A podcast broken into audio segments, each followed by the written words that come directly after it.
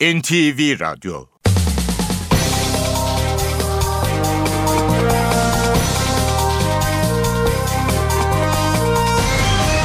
İşe Giderken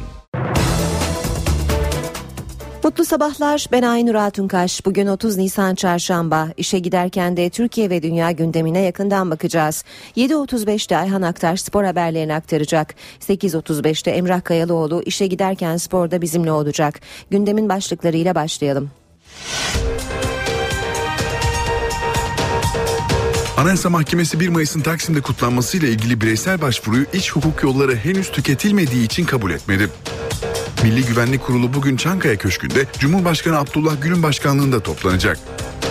CHP Genel Başkanı Kemal Kılıçdaroğlu İstanbul Cumhuriyet Başsavcılığı'nın kendisini şüpheli sıfatıyla ifadeye çağırması olayını HSYK'ya taşıyacaklarını söyledi. AKP'den de Kılıçdaroğlu'nun ifadeye çağrılmasına tepki var. Cumhurbaşkanı Abdullah Gül İstanbul'da 1907 Fenerbahçe Derneği yöneticilerini kabul etti. UEFA Şampiyonlar Ligi'nde ilk finalist Bayern Münih'i deplasmanda 4-0 mağlup eden Real Madrid oldu. İşe giderken gazetelerin gündemi.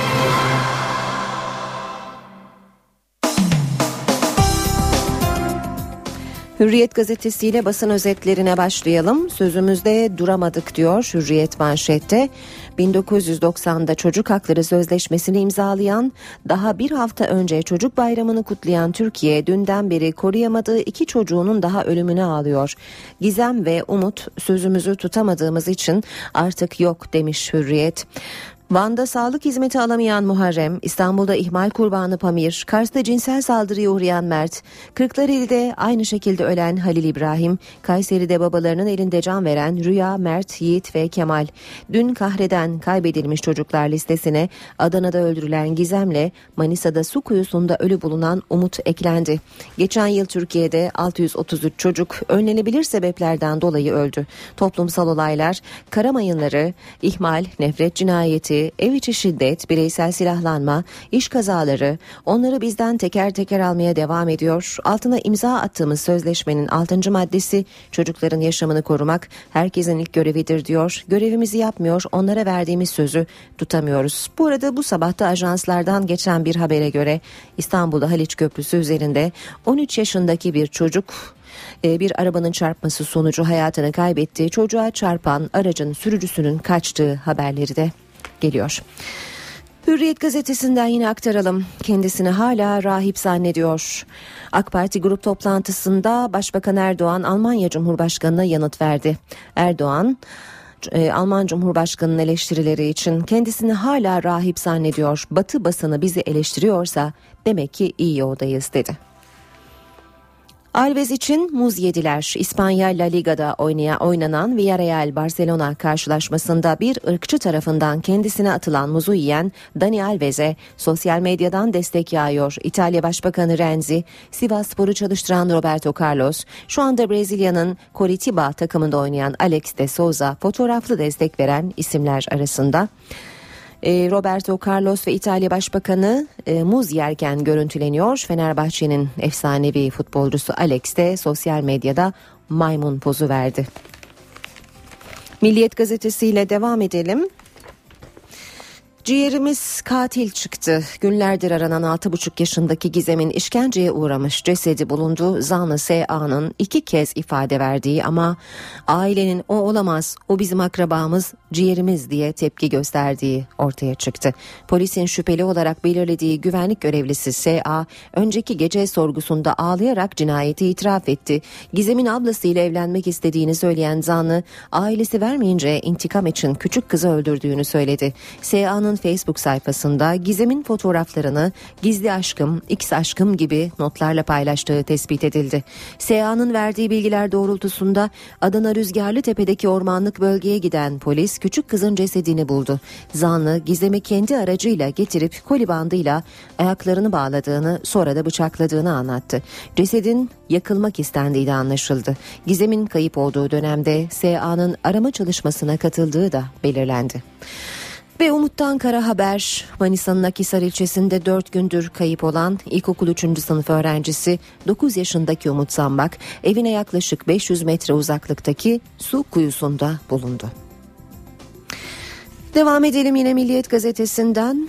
E, manşet ya sınır dışı ya iade. Başbakan Erdoğan Fethullah Gülen konusunda Amerika Birleşik Devletleri'nden sınır dışı veya iade beklentisini dile getirdi. Hukuki süreç başlatılacağını açıkladı. Ünlü Amerikalı gazeteci Charlie Rosa konuştu başbakan. Pensilvanya'da yaşayan Fethullah Gülen ve cemaatiyle ilgili stratejik ortak Amerika'dan beklentilerinin olduğunu söyledi. Kılıç'a Twitter jesti. Yemekli toplantılarda sahneye çıkmayan kardeş türküler bu kuralı Anayasa Mahkemesi Başkanı Kılıç'ın Twitter kararı nedeniyle bozdu. Kılıç Anayasa Mahkemeleri ve Muadili Kurumlar Birliği 2. Kongresi'nin kapanış etkinliğinde kardeş türkülerden Türkiye'deki çok kültürlülüğü vurgulayan bir konser vermelerini rica etti. Yemekli toplantılarda sahneye çıkmayan grup üyeleri mahkemenin Twitter yasağını kaldıran kararı nedeniyle teklife evet dedi. Geçelim sabah gazetesine ya iade edin ya da sınır dışı Yine milliyetle aynı e, haberi manşette kullandığını görüyoruz sabahında. Başbakan Erdoğan'dan Amerika'ya Gülen çağrısı deniyor. Devam edelim ee, yine Sabah gazetesinden bir başlıkla Fenerbahçe Yanal'la sözleşmeyi uzatsın. Ee, Sabah gazetesi yazarı ve NTV Spor yorumcusu Rıdvan Dilmen Fenerbahçe'nin 19. şampiyonunun kodlarını anlatıyor. Aykut Kocaman'ın attığı temel bıraktığı sistemin başarıdaki payı büyük. Aziz Yıldırım da Yanal tercihiyle doğru bir adım attı ve karşılığını gördü.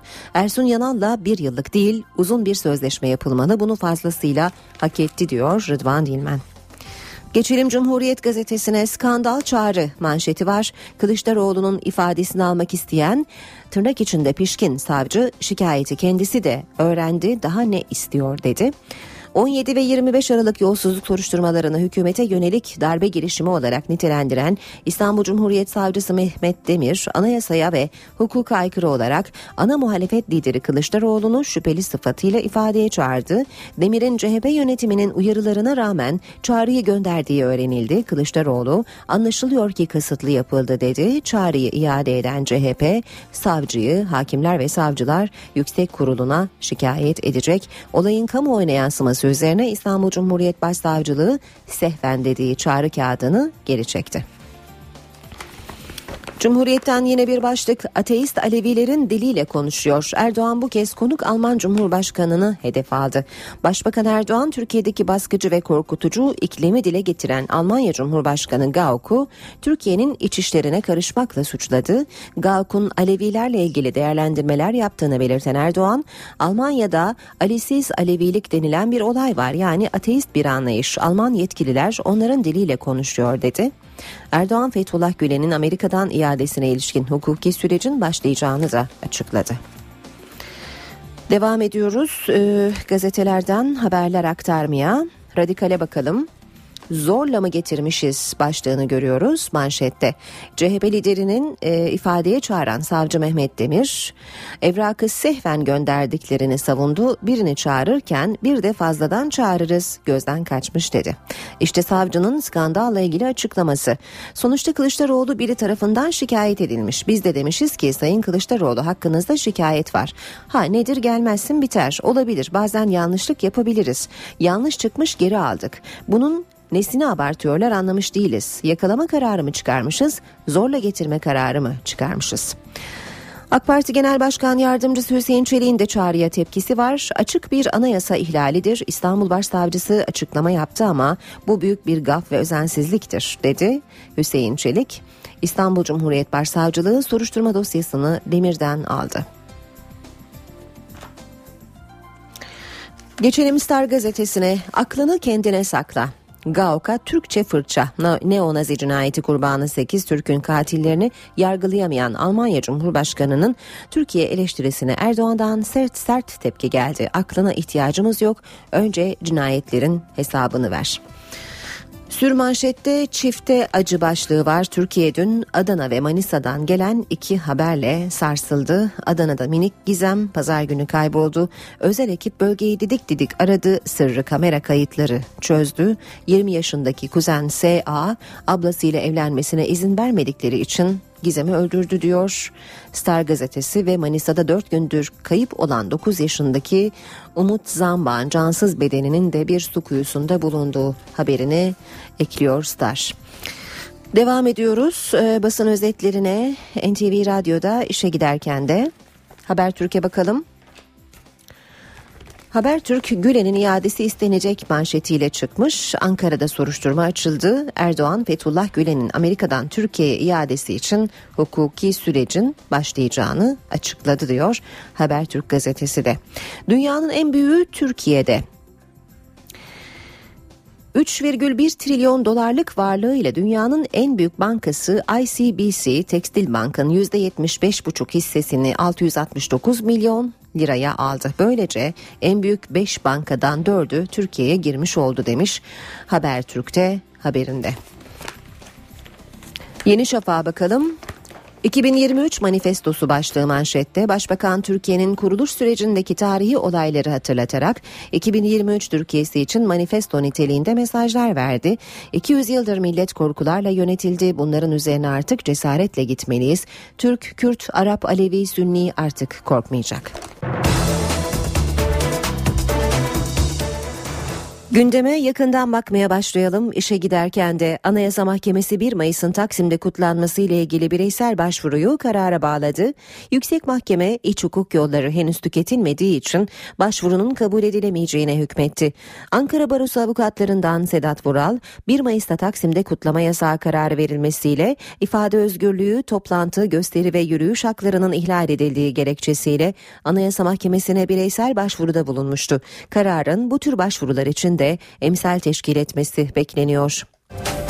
Disk, KESK, Türkiye Mimar ve Mühendis Odaları ve Türk Tabipleri Birliği'ne üye bir grup kadın 1 Mayıs 1977'de hayatını yitiren kadınlar için dün kazancı yokuşuna karanfil bıraktı. İstiklal Caddesi üzerindeki Fransız konsolosluğundan başlayan yürüyüş polis kordonunda gerçekleşti. Yürüyüş sırasında 1 Mayıs'ta 1 Mayıs alanındayız şeklinde sloganlar da atıldı.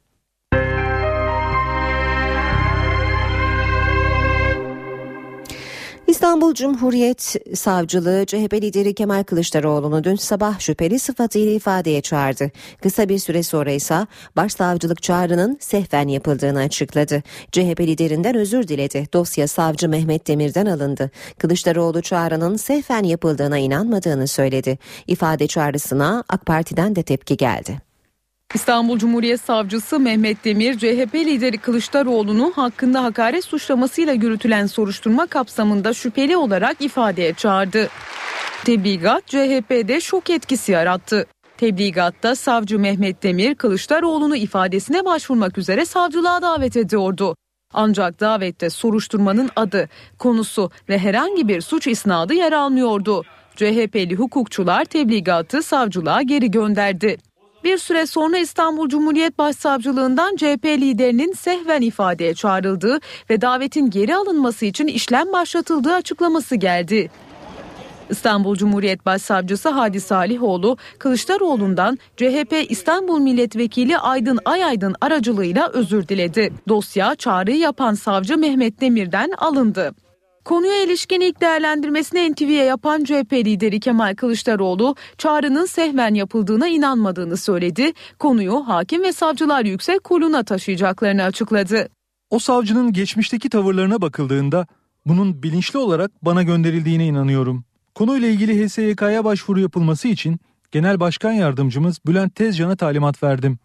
Başvurumuz doğrultusunda HSYK'nın bu savcı ile ilgili gereğini yapması gerekmektedir. CHP lideri savcı Mehmet Demir'in yanlışlık yaptık geri aldık daha ne istiyor açıklamasına yönelikse herhalde kendisinin sağlık sorunları var yorumunda bulundu. Yaşananlara ilişkin AK Parti'den de tepki geldi. Genel Başkan Yardımcısı Hüseyin Çelik Twitter hesabından bir açıklama yaptı. Sayın Kılıçdaroğlu'nun ifadeye çağrılması açık bir anayasa ihlalidir. Bu büyük bir gaf ve özensizliktir dedi. Başbakan Tayyip Erdoğan, Almanya Cumhurbaşkanı Joachim Gauck'un Türkiye'ye yönelik eleştirilerine sert yanıt verdi. AK Parti grubunda konuşan başbakan, Almanya'da Türklerin evi kundaklanıyor, bunun hesabını soramıyor, gelip bize akıl veriyor dedi. Almanya'da 8 vatandaşımız öldürülüyor. Bunun hesabını veremeyenler gelip de bize akıl vermesinler. O aklı kendilerine saklasınlar. Alman Cumhurbaşkanı gelmiş. Benimle konuştuğu şeylerden sonra ODTÜ'ye gidiyor. Orada garip garip şeyler konuş. Bu yakışmaz. Hele hele bir devlet adamına, bir devlet adamlığına bu yakışmaz. Ülkemizin iç işlerine karışılmasına asla tahammül edemeyiz. Bu işlerinize karışmak gibi anlaşılmasın ama biz amayla çok çektik. Onun için devlet adamlığının gereği neyse onu yapmak lazım. Herhalde hala kendisini rahip olarak zannediyor. Almanya'daki bir kısım böyle ufak bir avuç içi bir grup var. Bu grubu hem destekliyor Almanlar ve onların diliyle gelip burada konuşuyorlar. Bu yakışmaz. CHP lideri Kemal Kılıçdaroğlu ise grup toplantısında Başbakan Erdoğan'ın CHP'nin Gülen cemaatiyle işbirliği yaptığı iddiasına yanıt verdi. Çıksın ispat etsin dedi. Kılıçdaroğlu Başbakan'ın devletin zirvesinin dinlendiğine yönelik açıklamalarına da tepki gösterdi. Kılıçdaroğlu'nun gündeminde dört eski bakan hakkında hazırlanan fezlekeler de vardı. Siz cemaatle işbirliği yapıyorsunuz diye. Kendisine çok açık ve net çağrıda bulunuyorum. Çıkarsın bunu belgeleriyle ortaya koyarsın. Ben de derim ki ya doğru biz bunu yapmışız. Yapabilir misin? O şantaj kasetlerini gözlüğünü böyle takarak nasıl izlediğini de çok iyi biliyorum. Sorum şu. O şantaj kasetleri senin önüne nasıl geldi? O şantaj kasetlerini sen kiminle beraber izledin? Çıkıp bunu açıklaması lazım. Debelenmesine gerek yok. Fezlekeler görüşülecek ama günü pazartesi günü olarak seçmişler. Neden? Pazartesi günü meclis televizyonu yayın yapmıyor. Halk bilmesin, öğrenmesin. Niye bilmesin, öğrenmesin? Madem dört bakanla ilgili ciddi fezlekeler var, yolsuzluk olayları varsa ve parlamentoda görüşülecekse millette seyretsin.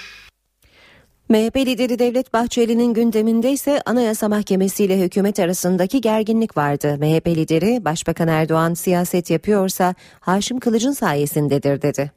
Anayasa Mahkemesi Başkanı'nın konuşması elbette haklı, doğru ve yerindedir. Bizim tuhafımıza giden taraf Sayın Başbakan'ın doğru bildiklerini hukuk devleti üzerinde oynanan oyunları niçin bu kadar gecikmeyle gündeme aldığıdır. Ne olmuştur da Anayasa Mahkemesi Başkanı ile Başbakan ters düşmüştür. BDP'den katılımlarla mecliste grup kuran HDP dün ilk grup toplantısını yaptı. Toplantıda partinin eş başkanı Sebahat Tuncel konuştu.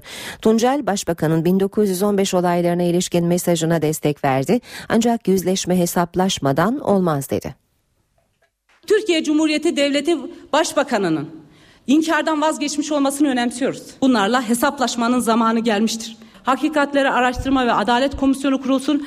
Gerçekten Türkiye halklarını tatmin edecek, yeni bir başlangıcı ifade edecek bir süreci birlikte gerçekleştirelim.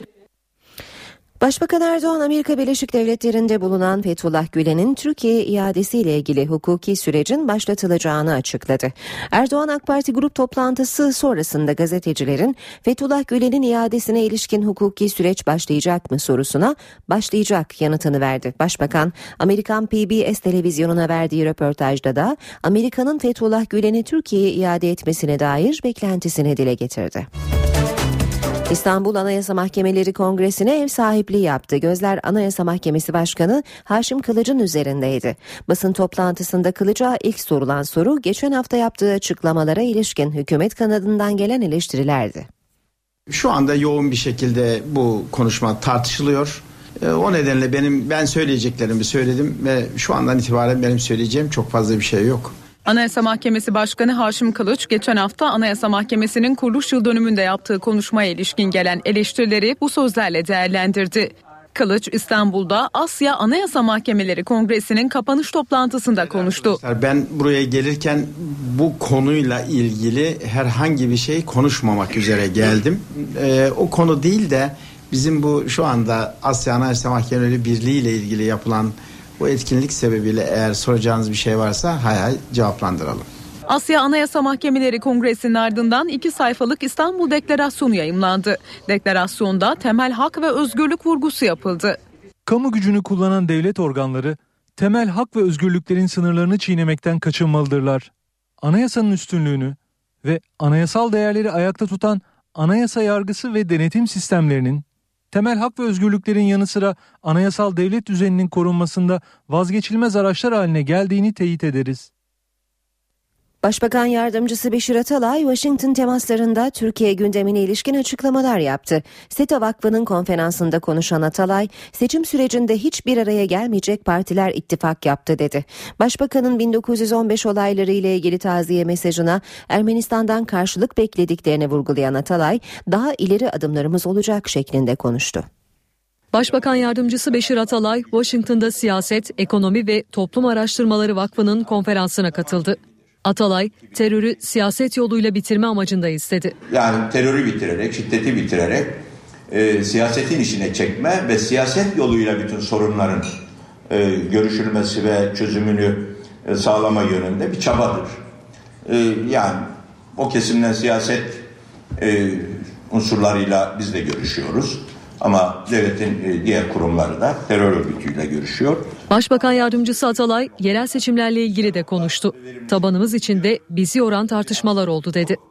E, burada olmadık ittifaklar yapıldı. Doğrusu e, farklı bir boyutu oydu. Hiçbir araya gelmeyecek partilerin ittifakları ama özellikle bu paralel yapı olarak da ifade edilen bir kesim var ki bu seçim ortamında çok daha aktif oldu. E, seçim bölgelerimizde doğrusu zorlandık kendi tabanımız e, içinde bu tür e, tartışmalar tabii bizi biraz yoran e, tartışmalar oldu. Atalay, Başbakanın 1915 olayları ile ilgili taziye mesajına da değindi, karşılık beklediklerini vurguladı.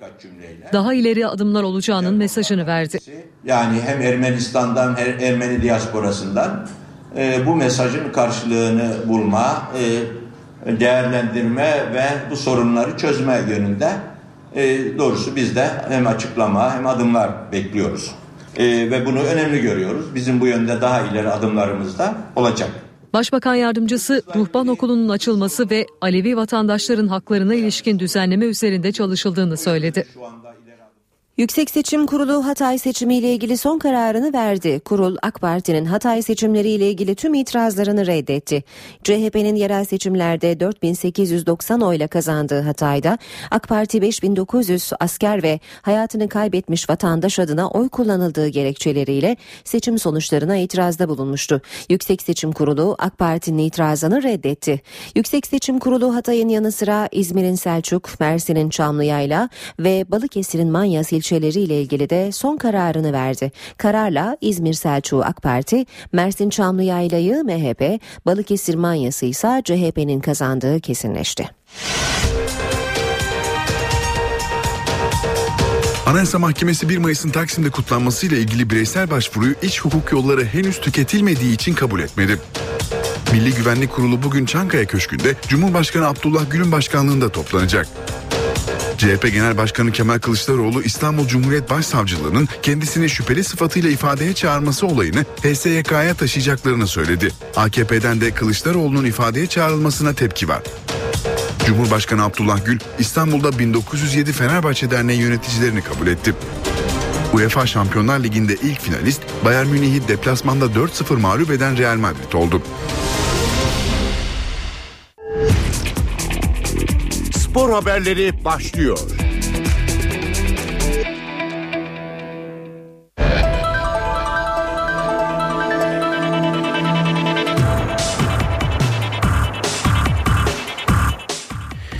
Günaydın ben Ayhan Aktaş spor gündeminden gelişmelerle başlıyoruz. Şampiyonlar Ligi ile başlayalım. Şampiyonlar Ligi'nde ilk finalist dün gece oynanan maçla belli oldu.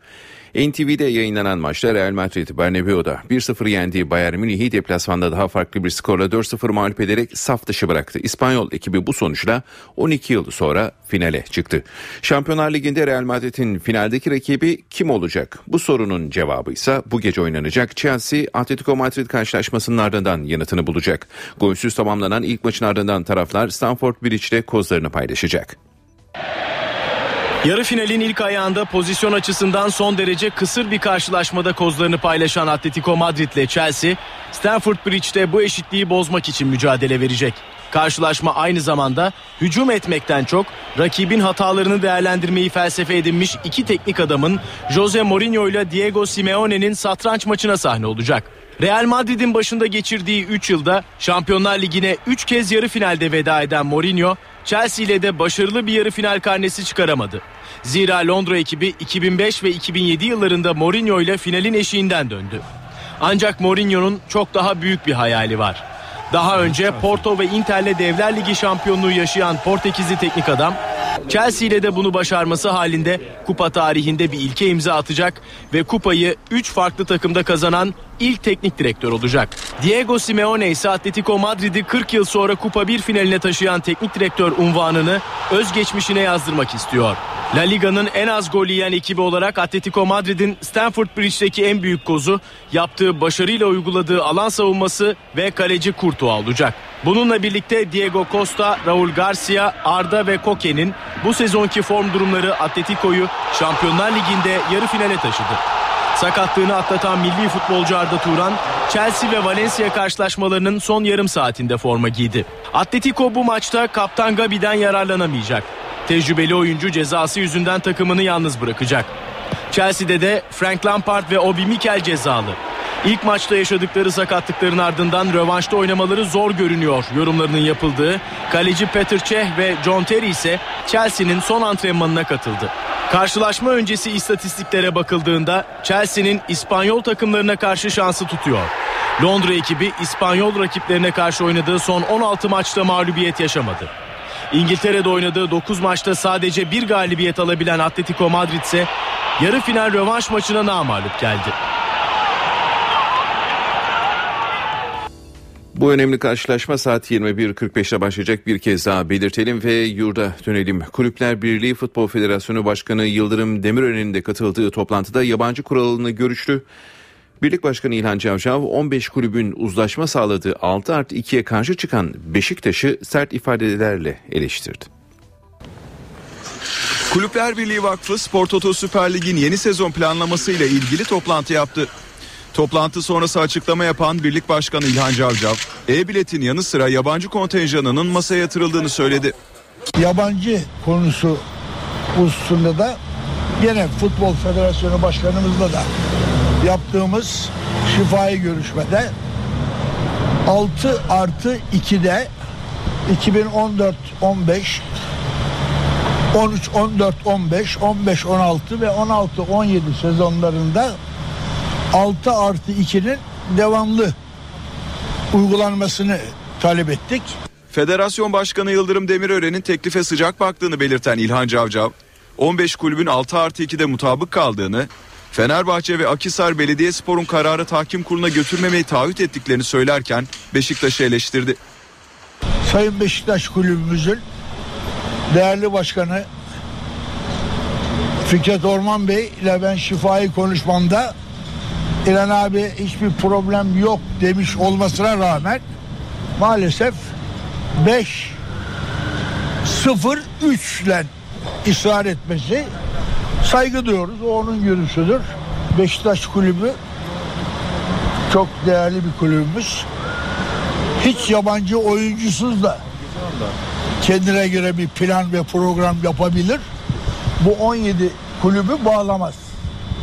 Beşiktaş kulübü o zaman Türkiye liglerinden çekilecek. Gidecek ayrı bir yerde 5 yabancıyla mı oynar, 3 yabancıyla mı oynar onun bileceği. İlhan Cavcav'ın sözlerinin hedefindeki Beşiktaş kulübünden de bir açıklama var. İkinci başkan Ahmet Nur Çebi 5 artı 0 artı 3 yabancı kuralında ısrarcı olduklarını söyledi. Çebi 6 artı 2'nin kabul edilmesi halinde yeni kuralın 2 yıl sonra hayata geçmesi gerektiğini savundu. 5 artı 03 konusunda devam edilmesi gerektiğini çünkü bizim bu konuda alınmış bir karara göre Beşiktaş'ın e, transfer politikalarını geçen seneden planladığımızı e, alınacak bir karar e, olacaksa da bunun en azından 2 yıl veya 3 yıl sonra e, başlatılması şeklinde bir e, cevabımız oldu kendilerine. Ve verilen karar da şu bütün herkes yönetim kurullarında son kararlarını alarak e, Kulüpler Birliği Başkanlığı'na tevdi edecek. Onlar da federasyona gönderecek. 6 artı 2 olursa ne olacak? Biti Beşiktaş kulübünün tepkisi nasıl olacak? Biz biz muhalif olduğumuzu beyan ettik. Federasyonun düşüncesi hangi kurala daha yakın acaba? Federasyonun, düşün, federasyonun düşüncesi oy birliğiyle gelinmesi şeklinde. E, haklı onlar da kendilerine göre ama oy birliğiyle gelinmediği takdirde ne yapacaklarını kendileri karar vereceklerdi. Çünkü orada yönetim kurulu var. 6 artı 2 konusunda 3 yıllık bir garanti istediler mi acaba? Evet 3 yıl e, olması şeklinde bir e, teklif gelmesini tercih ediyorlar. Ben de katılıyorum. Her sene her sene böyle bir şey değiştirilemez. Çünkü futbol artık bir endüstri olmuştur. Dolayısıyla bir e, iş adamı gibi herkesin e, planlı programı yapması lazım. Yabancı kural hakkında federasyondan, başkandan da bir yorum alalım. Yıl, e, Yıldırım Demirören kulüplerin yönetim kurulu kararı alarak kendilerine bildirmesinden sonra değerlendirme yapacaklarını söyledi. Kulüpler yönetim kurulu kararını alıp bizlere bildirirlerse bizler de federasyon olarak oturacağız ona göre değerlendirme yapacağız. Mühim olan kulüplerin ve Türk futbolunun ortak menfaatidir yani. Bir oy birliği bekliyorsunuz değil mi Sayın Başkan? Önce bildirsinler kendi aralarında ne yaparlar ne ederler bilemiyorum açıkçası ama dediğim gibi hem kulüplerin hem Türk futbolunun menfaati neyse ona göre karar vereceğiz. Galatasaray taraftarının Zira Türkiye Kupası finaline ilgisi yoğun oldu. Konya'da oynanacak final için sarı kırmızılar ayrılan biletlerin tamamı satıldı. Hemen belirtelim Galatasaray ile Eskişehir Sporu karşı karşıya getirecek Zira Türkiye Kupası finali 7 Mayıs'ta Konya Atatürk Stadı'nda oynanacak. Bültenimizin sonunda voleyboldan da iki haber aktaralım. Fenerbahçe ile Vakıfbank Acıbadem Kadınlar Voleybol Ligi playoff final serisinin 3. maçına çıkacak. Seride 2-0 önde olan Vakıfbank bugün oynanacak maçı kazanması halinde 2013-2014 sezonunun şampiyonu olacak. Kadınlarda erkeklerde ise şampiyon belli oldu. Acıbadem Erkekler Voleybol Ligi'nde şampiyon Halkbank oldu. Başkent ekibi playoff serisinin dördüncü maçında Fenerbahçe Grundi'yi 3-1 yenerek mutlu sona ulaştı. Bu bilgilerle spor bültenimizi tamamlıyoruz. İyi günler diliyoruz. NTV Radyo Günaydın herkese yeniden işe giderken de yeni saati karşılıyoruz. Gökhan Abur'la birazdan son tahminleri konuşacağız, hava tahminlerini. Önce gündemin başlıklarını hatırlatalım. Anayasa Mahkemesi 1 Mayıs'ın Taksim'de kutlanmasıyla ilgili bireysel başvuruyu iç hukuk yolları henüz tüketilmediği için kabul etmedi. Milli Güvenlik Kurulu bugün Çankaya Köşkü'nde Cumhurbaşkanı Abdullah Gül'ün başkanlığında toplanacak. CHP Genel Başkanı Kemal Kılıçdaroğlu İstanbul Cumhuriyet Başsavcılığının kendisini şüpheli sıfatıyla ifadeye çağırması olayını HSYK'ya taşıyacaklarını söyledi. AKP'den de Kılıçdaroğlu'nun ifadeye çağrılmasına tepki var. Cumhurbaşkanı Abdullah Gül İstanbul'da 1907 Fenerbahçe Derneği yöneticilerini kabul etti. UEFA Şampiyonlar Ligi'nde ilk finalist Bayern Münih'i deplasmanda 4-0 mağlup eden Real Madrid oldu. Gökhan Abur'la beraberiz. Günaydın Sayın Abur. Günaydın. Üç büyük şehrimizde yağmur var. Ee, bunların bulunduğu bölgelerde de yağmur var mı? E, Valla şöyle söyleyeyim tabii sabah erken saatlerde özellikle Güzel Yalı Manisa arasındaki bölgede yani İzmir'in bazı ilçelerinde yağış vardı fakat öğleden sonra yağışların o bölgede kuvvetlenmesini bekliyoruz. Çünkü öğle saatlerine itibaren özellikle e, Bodrum başta olmak üzere Güney Ege'de rüzgar kuvvetlenecek. Zaman zaman 6 kuvvet dediğimiz yani 50 kilometreye kadar çıkmasını bekleyen Rodos yönlü rüzgarın arttıracağı bulutlarda Güney Ege'de İzmir Muğla arasındaki sağanakların etkisini arttıracak gibi gözüküyor şu andaki bulgulara göre. Yağışlar Trakya'da daha kuvvetli olmak üzere şu anda devam ediyor. Edirne'de özellikle Kırklareli'nde, Tekirdağ'da aralıklarla yağışlar var şu an itibariyle. Güneye baktığımız zaman ise Manisa'dan Milas'ta hafif de olsa yağış geçişleri görüyoruz. Doğuda da çok hafif yağış var. Kars civarında hafif bir yağış geçişi görülüyor ama gün içinde biraz önce söyledim. Bu yağışlar hafif olarak Marmara bölgesinde devam ederken, gün Kuzey Ege'de devam ederken ilerleyen saatlerde Batı Karadeniz bölgemizde yağışlı havanın etkisi altına girecek ve bu yağışlar zaman zaman kuvvetlenerek Doğu Karadeniz bölgesine doğru akşam saatlerinde ilerleyecek. İç kesimlerde de yine öğleden sonra ve akşam hafif de olsa yağış geçişleri bekliyoruz. Yarın ise Yarın ise yağışlar e, güneyde biraz ara verecek. Özellikle yarın e, Akdeniz'de, Güney Ege'de ve doğuda e, yağışlar tekrar başlarken doğudaki yağışlar güneyde Akdeniz'de ve Güneydoğu'da Yine aralıklarla yağış görülecek. Ege'de ve Marmara'da yağışın hafif olarak devam etmesini bekliyoruz.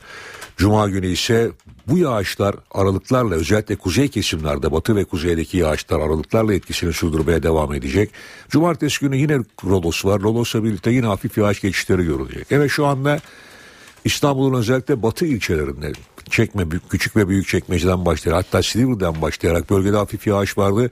İstanbul Boğaz kesiminde artan bulutlanmada hafif çisenti şeklinde yağışı bırakmaya devam edecek. Ama daha kuvvetli yağışlar özellikle yarın akşam saatlerinde İstanbul'da bekliyoruz. Bunlar yer yer sağanaklar şeklinde olup cuma sabahına kadar devam ede- edecek. Cumartesi günü e, İstanbul'da yağış beklemiyoruz fakat pazar günü yeniden yağış gelecek.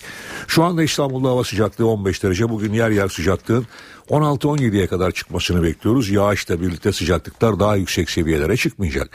Ankara'da ise şu anda hava genelde parçalı zaman zaman parçalı çok bulutlu. Sıcaklık 7 derece. Ankara'da da bugün sıcaklığın yer yer 18-19 dereceye kadar çıkmasını bekliyoruz. İzmir'de ise dediğim gibi doğu ilçelerinde yağış vardı ama gün içinde artacak bulutlanmayla İzmir-Muğla arasındaki yağışlar giderek kuvvetlenirken İzmir'de bugün görülecek beklediğimiz sıcaklık 20 derece civarında olacak. Evet. Yarınsa İzmir'de yağış beklemiyoruz. Gökhan Abur teşekkürler. Ben teşekkür ederim.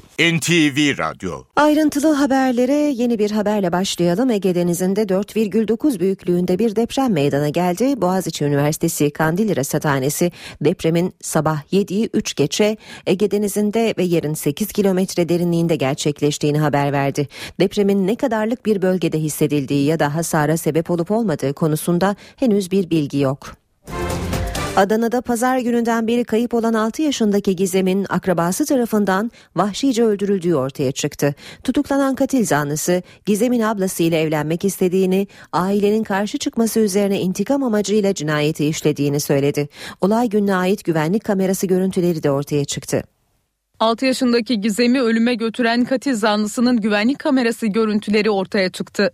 Zanlı küçük kızı aracına aldıktan sonra bir akaryakıt istasyonuna gidiyor pet şişeyle benzin alarak oradan uzaklaşıyor. Adana'da Gizem Akdeniz'in kaybolduğu gün parkta oyun oynayan çocuklardan biri Gizem'i en son kuzeni Süleyman Akdeniz'le gördüğünü söyledi.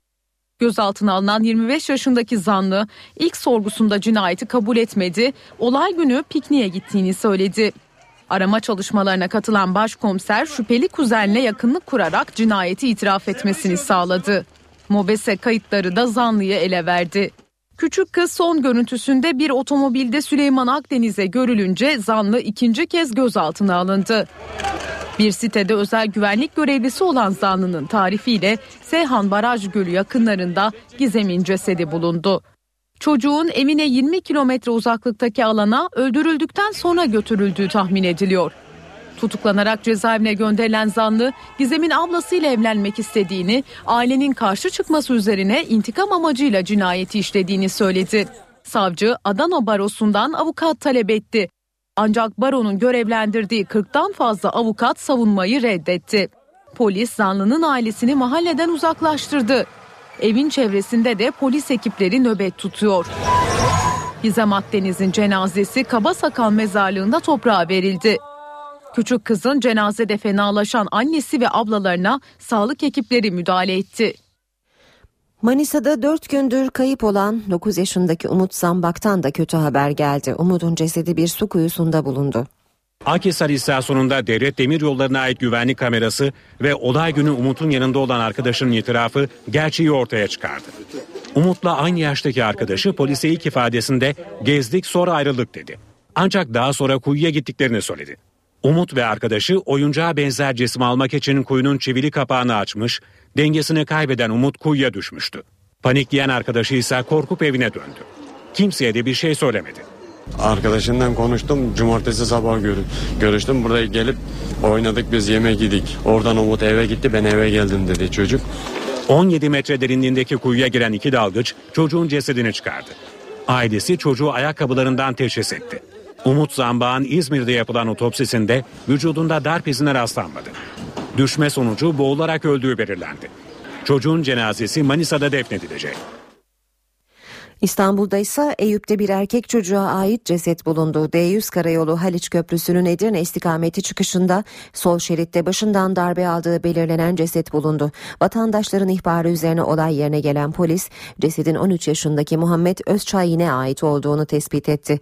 Bir aracın çarpması sonucu yaşamını yitirdiği sanılan Özçayin'in cesedi incelemenin ardından otopsi için Adli Tıp Kurumu morguna gönderildi. Polis mobese ve trafik kameralarındaki görüntüleri incelemeye aldı. Aile ve Sosyal Politikalar Bakanı Ayşenur İslam son günlerde artan çocuk ölümleri için acilen tedbir almamız gerekiyor dedi. Mecliste gazetecilerin sorularını yanıtlayan İslam, İçişleri ve Adalet Bakanlığı ile toplantı yapacaklarını söyledi. Bakanlık olarak üzerimize düşen sorumluluk aileleri bilinçlendirmek, çocukların kendilerine yönelen bu tür şiddet olaylarında neler yapabileceklerini planlamak ve çocukları bu yönde eğitmek diye konuştu.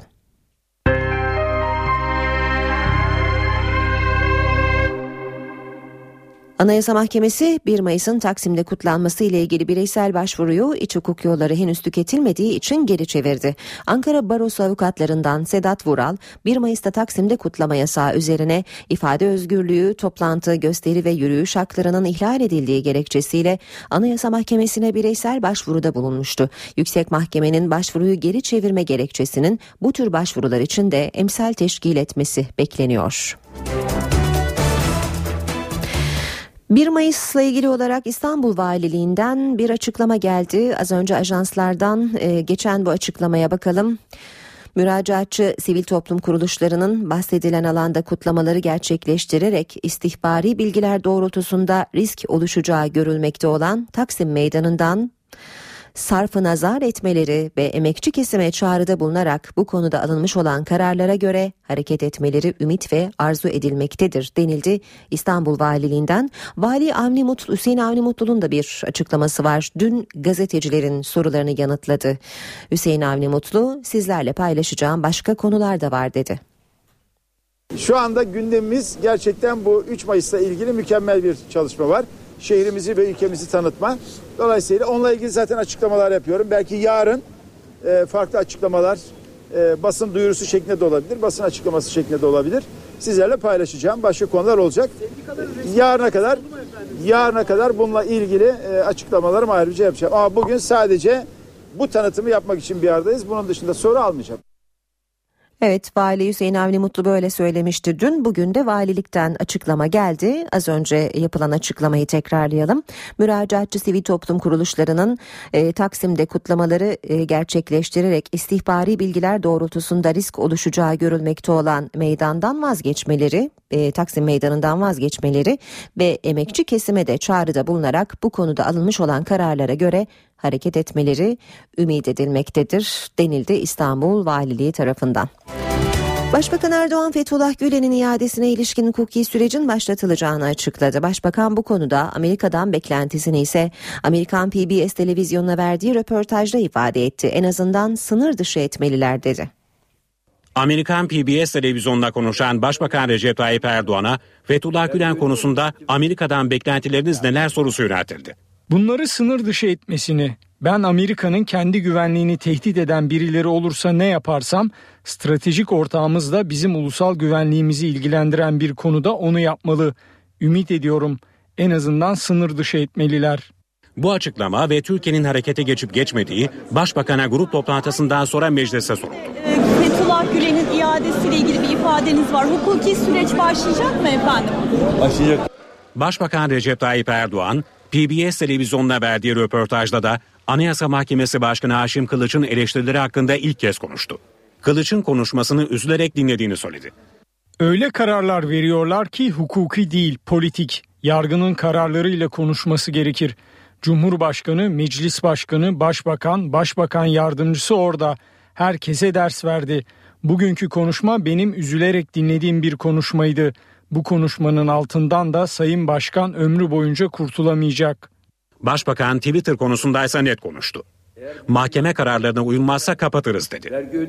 1915 olaylarını soykırım olarak kabul etmeniz mümkün mü sorusuna ise Başbakanın yanıtı mümkün değil oldu. İstanbul Cumhuriyet Savcısı Demir'in dün sabah CHP lideri Kemal Kılıçdaroğlu'nu şüpheli sıfatıyla ifadeye çağırması kısa bir süre sonra da bu çağrının sehven yapıldığının açıklanmasına. Bakalım şimdi.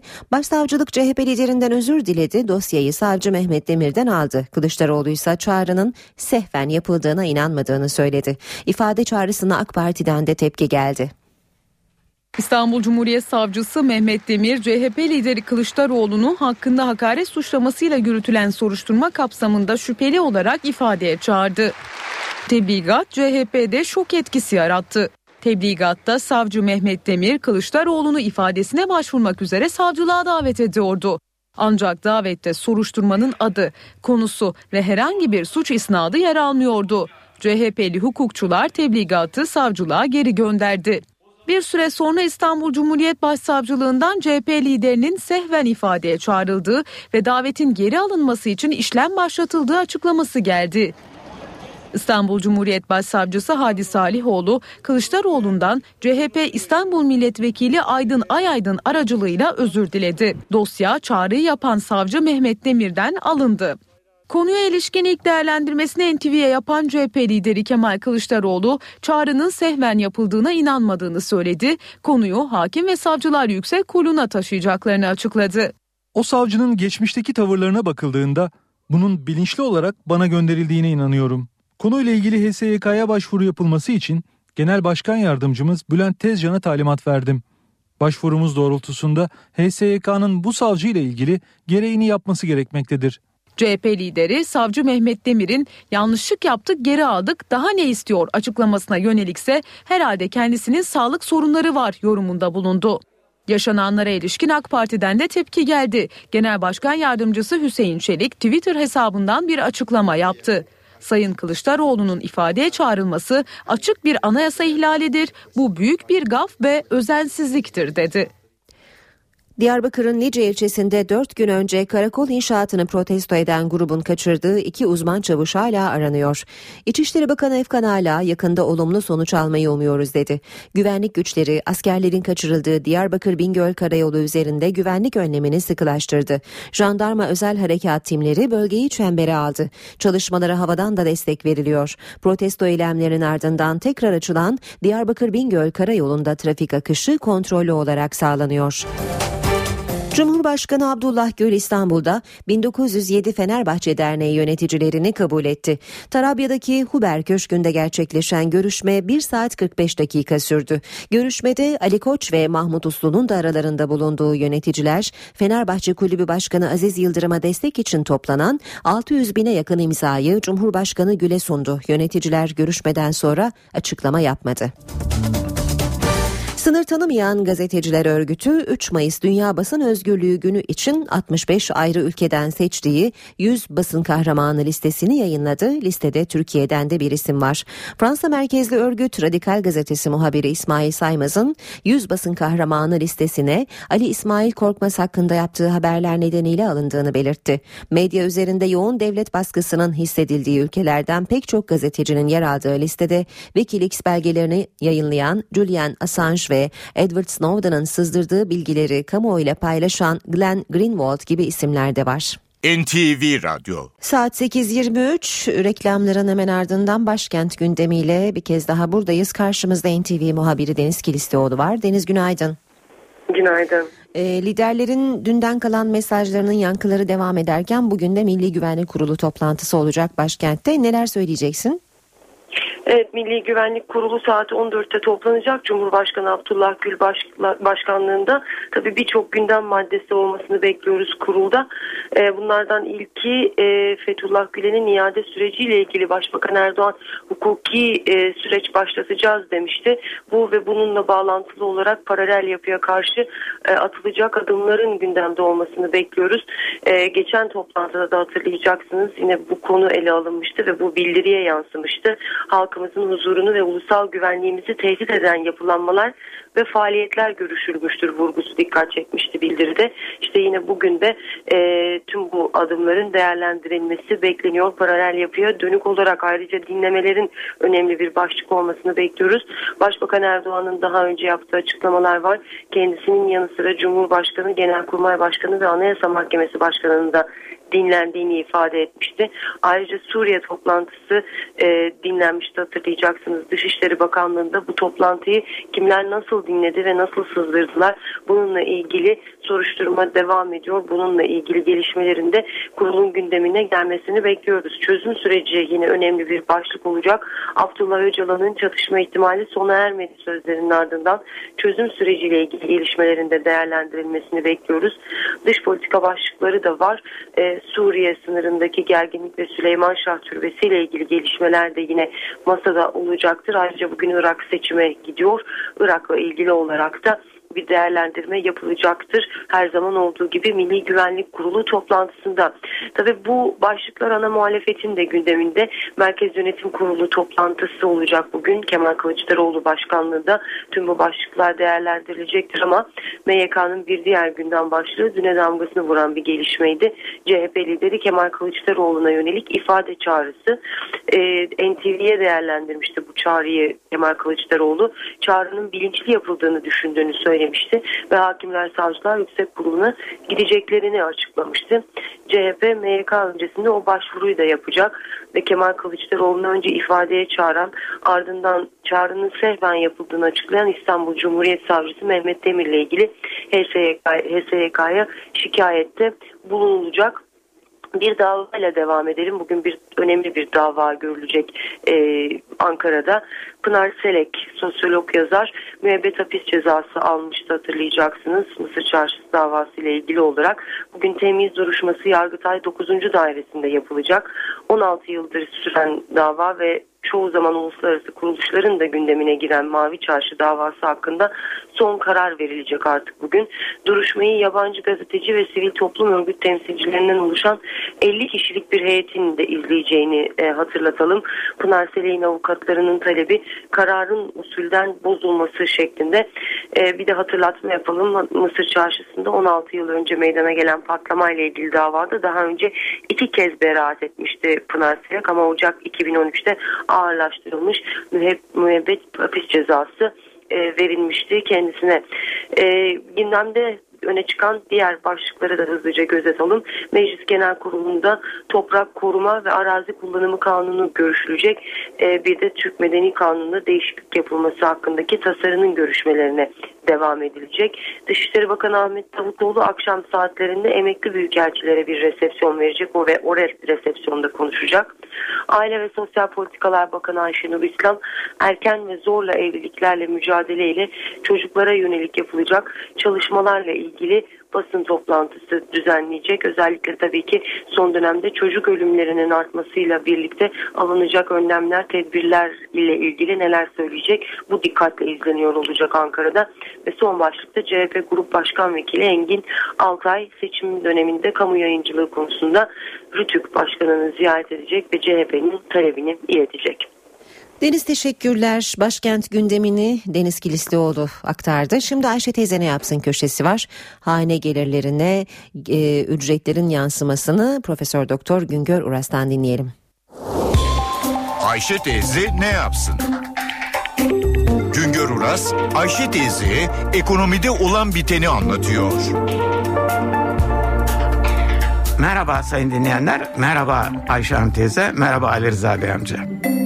Ülke genelinde hanelere giren toplam gelirin yüzde yetmişe yakınını maaş, ücret, yemiye, dul ve yetim aylığı ile sosyal transfer gelirleri oluşturuyor.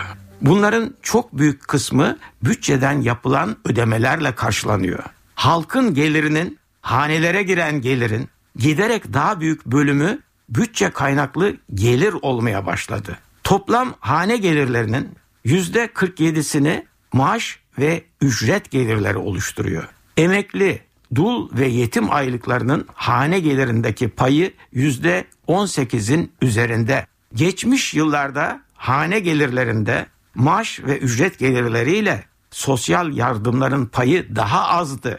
Bunlar giderek arttı. Maaş ve ücretler artıyor. 65 yaş üzerindeki yaşlılara maaşlar bağlanıyor.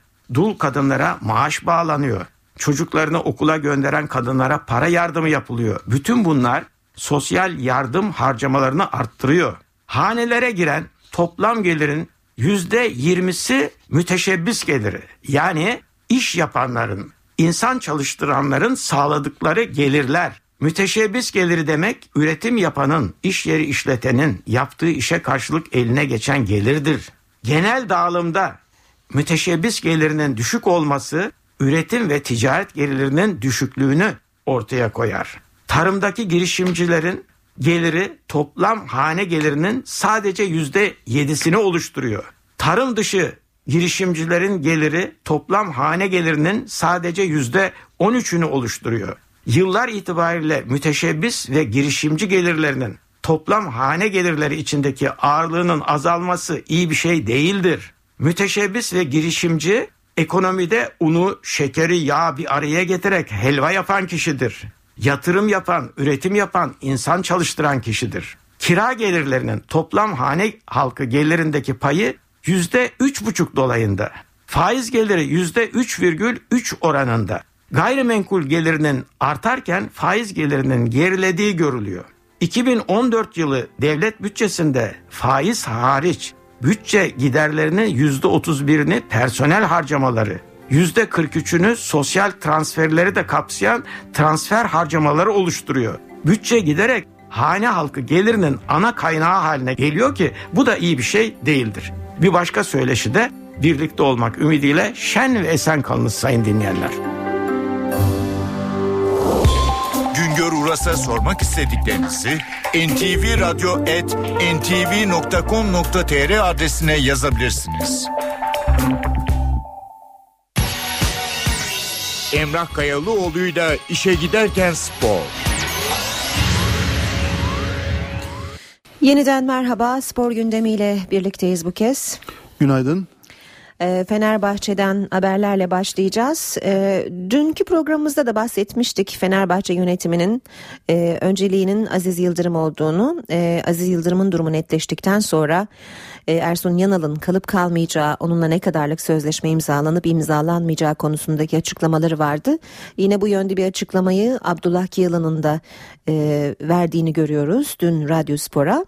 E, şimdi e, Ersun Yanal'ın da bir taraftan 2015 kriterlerinin e, olduğunu, takımda kimlerin kalmasını istediği, kimlerin gö- e, gönderilmesini istediği yönünde haberler var. Ne dersiniz? Şimdi e, Hürriyet'teki haber e, oradaki yani takım zaten şu anda bile yaş olarak e, yani üst sınıra Yaşlıca. yakın üst sınıra yakın diyelim. E, öyle bir tespit var ki doğru bir tespit.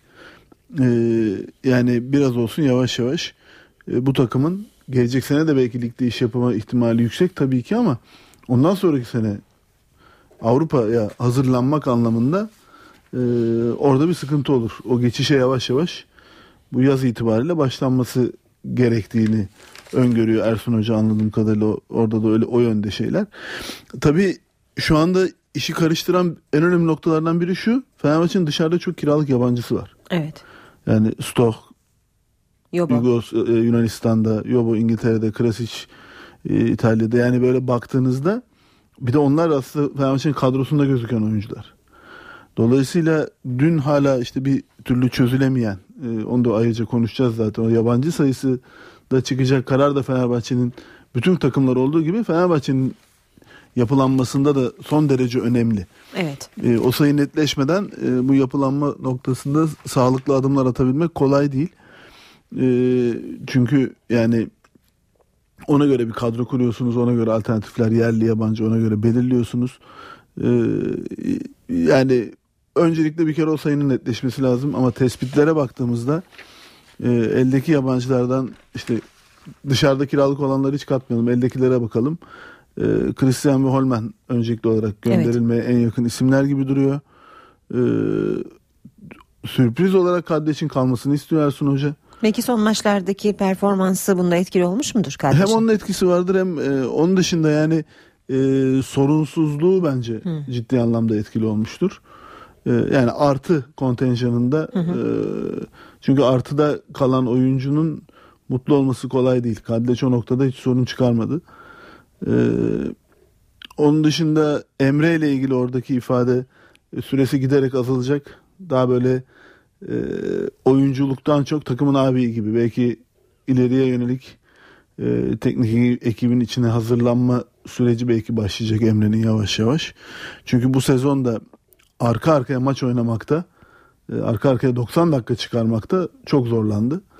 E, artık yavaş yavaş fiziksel olarak e, Fenerbahçe'nin hele bu seneki tempolu oyunu düşündüğümüzde o tempolu takımın içinde sürekli yer alabilmesi çok zor gözüküyor. Onun dışında takımla ilgili tabii Caner'in durumu var. Önemli bence. O da mutlaka kısa sürede çözülmesi gereken noktalardan biri. Ee, yani tabii çok büyük soru işaretleri var. Yani Ersun Hoca ile daha anlaşma imzalanmadı. Yabancı sayısı daha belli değil. Dışarıdaki yabancılar, kiralık olanların durumu ne olacak döndüklerinde ee, yani yaz dönemi aslında Fenerbahçe'nin 2014-15 sezonuna hazırlık noktasında biraz e, hareketli olacak gibi duruyor. Evet. Bu aslında birçok takımımız için geçerli. Yani birçok takımımızın kirada yabancıları var. Hı hı. Bu yabancıların sayısı ile ilgili olarak da işte tabii dünkü federasyondaki toplantı onun için bu kadar e, yankı uyandırıyor zaten. Oldukça gergin geçtiğini öğreniyoruz. E, Hürriyet de büyük resleşme diye vermiş. E, Federasyon Başkanı Demirören'le İlhan e, Cavcav arasında Kulüpler Birliği Başkanı ve Gençler Birliği Başkanı İlhan Cavcav arasında geçtiğini öğreniyoruz bu resleşmenin. Demirören 6 artı 2 yabancı kararı tahkim kurulundan döner e, diyor. Cavcav da madem öyle siz de önümüzdeki e, yıl e, federasyonu yönetemezsiniz. Önümüzdeki önümüzdeki sezon diyor. Bu e, resti üzerine de hiçbir kulüpten ses çıkmayınca Demirören toplantıyı terk etmiş. Ayrıca e, Beşiktaş, Fenerbahçe ve Akisar dışında kalan 15 kulüpte artı 6 2 konusu 6 artı 2 konusunda mutabık kalmışlar. Şimdi hatta şöyle bile diyebiliriz. Beşiktaş'ın dışındaki e, Fenerbahçe ve Akisar Kulüpler Birliği'nden çıkacak kararla ilgili olarak bir itirazda bulunmayacaklarına dair tahkim kuruluna itiraz etmeyeceklerine dair yazılı bir taahhüdü göndereceklerini vaat ettikleri için aslında 17 kulüp anlaştı bile diyebiliriz şu anda. Hı hı. Ee, ama sonuçta o bir takım Beşiktaş şu anda karşı çıkıyor. Ee, kendi açılarından son derece haklılar. Onu da altını çizelim. Yani ben yabancı konusundaki e, görüşüm bu 5 artı 0 artı 3'lere vesaire e, tamamen dışında olsa da e, yani Beşiktaş'ın tavrını e, haksız bulmuyorum. Yani planlanmış bir şey var. E, ona göre alınmış kararlar var. Ona göre atılmış adımlar var. E, ve bugün e, bundan vazgeçilmesi ona göre adım atmış kulüpleri kendilerini ona göre hazırlamış kulüpleri e, cezalandırmak gibi bir şey olacak. Yani o anlamda Beşiktaş yani Kendinizi Beşiktaş kulübünün yerine evet, koyun. Evet. Biraz empati yapın. Son derece haklı bir itirazları var aslında. Cavcav da Beşiktaş'ın ısrarı üzerine o zaman ligden çekilsin demiş. O, orası çok abartıya kaçtı zaten. yani e, sonuçta bu federasyonun koyduğu, bütün kulüplerin kabul ettiği belli talimatlara göre bir hazırlık yapmış Beşiktaş kulübü ve e, gelinen noktada e, o planlamanın dışında davranan kulüplerin e, bir nevi yani e, kurtarılacağını ama kendilerinin ona göre davranmış olmalarına rağmen böyle bir adımdan dolayı e, bir yerde cezalandırılacaklarını e, savunuyorlar. Yani bunları açık açık dile getirmeseler de görüşleri bu yönde. Ya bu yabancı konusuyla ilgili ben en başından beri UEFA normlarının uygulanması gerektiğini, UEFA listesinin nasıl düzenleniyorsa Türkiye'de de listenin aynı şekilde yapılabileceğini söylüyorum. E, madem altyapıları teşvik etmek istiyor Futbol Federasyonu bu yabancı kontenjanıyla o zaman UEFA'nın yaptığı gibi işte sayıları değişebilir ama UEFA'nın standardı 25 kişilik e, sezonluk kadro. Onun içinde 4 tane o kulübün altyapısında yetişmiş, 4 tane de o ülkenin federasyonunda yetişmiş diyor. Geri kalan 17 kişiye karışmıyor. Bu iki kritere uygun oyuncunuz yoksa ona göre 25 kişilik kadronun sayısı düşüyor. Yani e, sistem aslında çok basit işliyor UEFA tarafında. Ama biz bir türlü işte altyapılar için her şeyi yapıyoruz. Futbolumuz gelişsin diye her şeyi yapıyoruz diyoruz ama e, o tarafı aklımızın ucuna bir türlü getiremiyoruz. Niye olmadığını hala anlamış değilim. E, yani onların da kendilerine göre bir açıklamaları vardır ama tabii Türkiye'de böyle bir şey uygulamaya kalktığınızda aslında e, o zaman kral çıplak diyeceğiz. Hı hı. Yani sıkıntı o zaman çok büyük. Çünkü Türkiye'de kulüpte yetişmiş e, oyuncu noktasında ciddi sıkıntı var. Hatta şöyle söyleyeyim e, bazı maçlarda bazı takımların sahaya çıkan 11 oyuncusunun 10'unun 9'unun falan Türkiye sınırları içinde yetişmemiş olduğunu da gördük. Yani e, böyle bir adım atmak yani UEFA standartlarını getirmek e, Avrupa'da yetişip işte Türk asıllı Evet. hala hatta Türk pasaportlu ama Evet. Avrupa'da yetişmiş Evet. futbolcuları bir yerde 17'ye atacaksınız. Yabancı saymaya başlayacaksınız. E, o zaman çok büyük sıkıntı doğuyor. Bazı takımlarımızın gerçekten kadrosunda e, Türkiye Federasyonu, yani Türkiye Futbol Federasyonu e, bünyesindeki kulüplerde yani Türkiye'deki kulüplerde yetişmiş oyuncu yok. En azından 11 Büyük oynatabileceği sıkıntı. oyuncu yok. Yani o fotoğraf bir anda suratımıza vurulacak böyle bir madde geçtiği anda. Ee, ama yani eğer Türkiye'deki futbol altyapısını geliştirmekten bahsediyorsak e, o, zaman, zaman bu, olsun. bu fotoğrafı da bir görelim o zaman. Evet. Haklısınız. Yani bakın bugün Beşiktaş'ın yerli olarak oynattığı Olcay'ı Oğuzhan'ı o zaman yabancı sayılıyor. Yabancı demeyelim de işte o 4 artı 4'e girmiyor. 17 sayılıyor. Yani benzer bir durumda e, ne bileyim özellikle Elazığ'da mesela bö- böyle çok oyuncu vardı. Onları hatırlıyorum. E, yani tek tek böyle kulüplere girdiğinizde Galatasaray'da da yanlış hatırlamıyorsam Hakan Balta e, Türkiye'de yetişmiş sayılmıyor. E, vardır daha yani böyle kafayı yorsak daha çok oyuncu buluruz da E, ama dediğim gibi yabancı noktasında yani bir gün biz o noktaya gelmek durumunda kalacağız. Yani bu UEFA'daki rakamları sistemi uygulamak zorunda kalacağız. Sanki bu hiç çok daha- olmayacakmış gibi düşünülüyor galiba. çok daha şey olacak. Vahim bir hale gelebiliriz. Çünkü bir ara ciddi ciddi FIFA bile bunu maç kadrolarında uygulamayı düşündü. Yani 11 kişilik maç kadrosunda 6 artı 5. Ee, ama yani 6'sı ama o ülkede yetişmiş ama şey farklı olabilir yani ama bir ara bir gündeminde vardı bu. Yani e, dolayısıyla dünya futbolu artık bunları bu konuları konuşuyor, tartışıyor. E, Türkiye'de yavaş yavaş bunlara hazırlanmak durumunda. Peki e, bu bölümün son konusuna geçelim. Süremiz de azaldı. E, Lucescu Galatasaray'a e, gelmiş geliyor Galatasaray yolunda. E, Romanya ve İtalya basınında bu yönde haberler var. Geliyor mu? Yani Romanya'daki haberler e, eski Futbol Federasyonu Başkanı Sando'nun açıklamalarına dayanıyor. E, yani sonuçta e, Romanya'nın uzun dönem futbolunda söz sahibi olmuş bir kişinin Lucescu hakkında böyle bir e, açıklamada bulunmasının haber değeri vardır. Hı hı. E, yani Sandu Türkiye'deki gazetelerde çıkan haberleri kaynak alıp böyle bir açıklama yapmaz. yapmaz. Kendisi de bir şeyler duymuştur Tabii, da yapmıştır. Ee, İtalya'da da Mediaset'te bu anlamda bayağı e, yani detaylı bir haber vardı.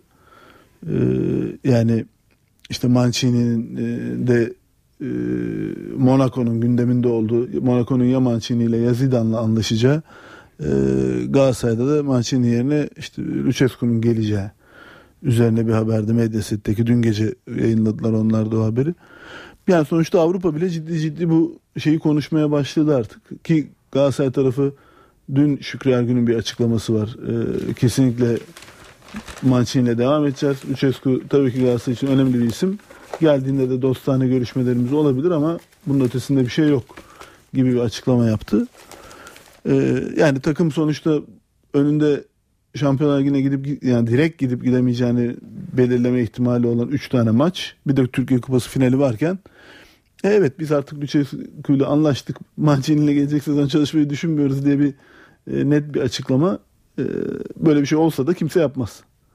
Yani böyle imza bile Mancini'nin atılmış yerine olsa koyuyorum kimse da yapmaz. kendimi. Aslında çok üzücü bir durum. Yani çok kritik maçlara çıkacaksınız. Bir göreviniz var. O görevin başındasınız Ama ama, mesela- geleceğiniz hakkında spekülasyonlar Tabii var. ki ama mesela İtalya'daki haberde de Mancini'de Monaco ile anlaşmak üzere temasları gayet iyi gidiyor Neyse falan ona şeklinde. da bir yer bulunmuş. Yani e, sonuçta futbol dünyasında şeydir ya yani bu sezon ya o anlamda profesyonellik gereği yeni sezonla ilgili başka bir takımla anlaşsanız bile sezonu bitirene kadar en iyi performansınızla devam etmek sizin bundan sonraki kariyeriniz için Evet. olmazsa olmazlardan biri. Çünkü yarın öbür gün sizi alacak olan yeni kulübünüzde e, bu adam bendeyken 6 ay kadar başka biriyle anlaştığında yine böyle mi yapacak diyerek listede alt sıralara inersiniz. O anlamda yani iyi profesyonel olmak bunu gerektiriyor. Evet. Yani işinize biteceğini bilseniz bile görevinizin Son ana kadar, son ana kadar en ne gerekiyorsa yapmaya yapmak. çalışmak Evet. durumundasınız yani.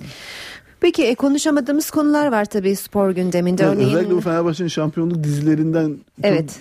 ilginç şeyler var. Onları bir üzerinden bir geçeriz, derleyip toparlarız. Halkbank maçına ilişkin de konuşacaklarımız var. E, Şampiyonlar Ligi yarı final ilk maçı oynandı. ikinci bugün Evet. oynanacak. Arda'nın maçı. Onları e, 10.30 haber özetlerinden sonra konuşacağız. Tekrar görüşmek üzere. Hoşçakalın. NTV Radyo